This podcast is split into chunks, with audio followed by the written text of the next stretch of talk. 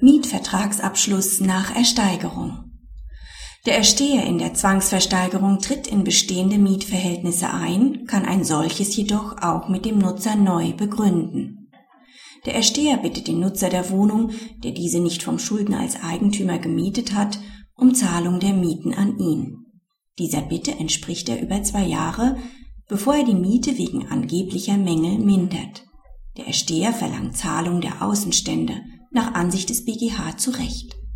Dabei kann dahinstehen, ob 566 BGB im Rahmen des 57 ZVG analog anzuwenden ist, wenn nicht der Schuldner, sondern ein diesem nahestehender Dritter den Mietvertrag abgeschlossen hat.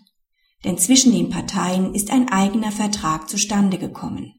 Spätestens mit Zahlung der Miete an den Ersteher auf die Mitteilung des Eigentumswechsels hin ist einem Vermieterwechsel seitens des Mieters konkludent zugestimmt worden. Der Wille, einen solchen Wechsel zu akzeptieren, kommt auch dadurch zum Ausdruck, dass der Mieter den Kläger als Ersteher hinsichtlich vermeintlicher Mängel um Abhilfe anspricht. Die notwendige Dreiseitigkeit der Vereinbarung ist dadurch hergestellt worden, dass die frühen auf Vermieterseite Beteiligten aus dem Vertrag keine Rechte mehr hergeleitet haben. Praxishinweis. Der BGH konnte die erheblich umstrittene Frage, ob 566 BGB auch anzuwenden ist, wenn es an der Identität von Vermieter und Veräußerer fehlt, offen lassen. Dies ist in Fällen angenommen worden, in denen die Vermietung mit Zustimmung des Eigentümers durch einen Dritten erfolgt.